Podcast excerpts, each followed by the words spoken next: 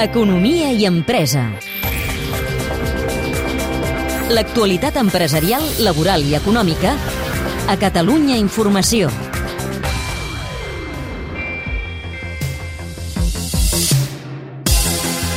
Tot es pot falsificar, des d'un vi molt car fins a un informe PCR. Durant la pandèmia s'ha disparat l'ús de les tecnologies, però també les noves maneres de frau i de contraband.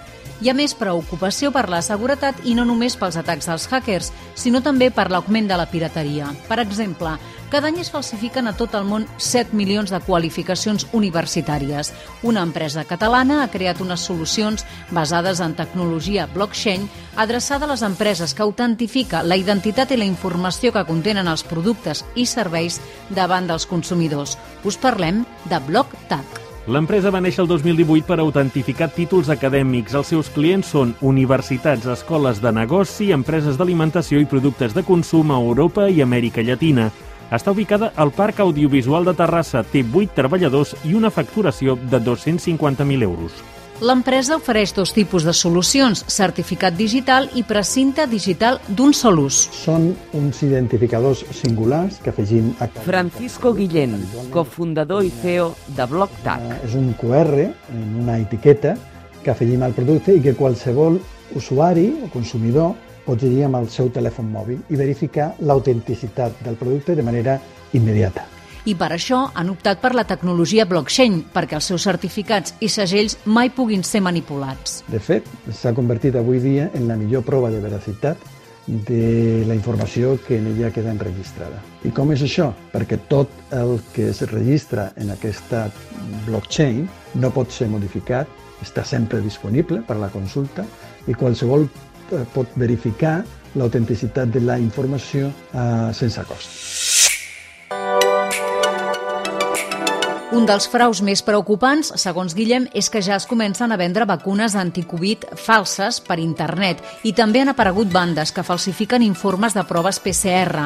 Creu que aquest frau es podria evitar si disposéssim d'una mena de passaport que ells han batejat com a e-Covid. Conté informació reservada, segura, molt accessible, infalsificable, del resultat de les proves diagnòstiques eh, realitzades a la persona titular. No? Eh, confiem que per bé de tots i que el seu ús s'estengui per evitar aquests enganys. Els sectors del tèxtil i el consum també són blancs habituals de la pirateria. Què hem de fer si en un restaurant demanem una ampolla de vi que tingui la verificació PlocTac? Obrir la primera capa de l'etiqueta i llegir el QR i verificar amb un botó que posa verificar en blockchain l'autenticitat del producte. Llavors la resposta que li donarà al seu telèfon mòbil és si el producte és original o si és una còpia eh, i ha estat falsificada i llavors pot fer una denúncia en el mateix moment amb un correu electrònic que surt de manera predefinida. Però aquesta solució també serveix per verificar processos electorals. Ells ja l'han posat en pràctica a les eleccions nacionals de la Cambra de Comerç de Bolívia del 2020. Pel seu de BlockTag, implantar aquesta plataforma de votació online és una qüestió política i no tècnica. És una solució, probablement la solució més senzilla i segura, que existeix eh, fent servir la tecnologia blockchain perquè assegurem tant la identitat dels votants com el nombre i categories de paperetes i els vots emesos. I no hi ha cap possibilitat de frau i es pot auditar de manera ràpida la veracitat de tots els elements del, del procés. A Catalunya encara hi ha poques empreses que es dediquin a l'autentificació de dades, però l'augment de la preocupació per la seguretat augura un creixement important del sector en els pròxims anys. És un reportatge de Carme Montero amb el muntatge tècnic de Jordi Galbany. El teniu disponible al podcast de l'Economia i Empresa.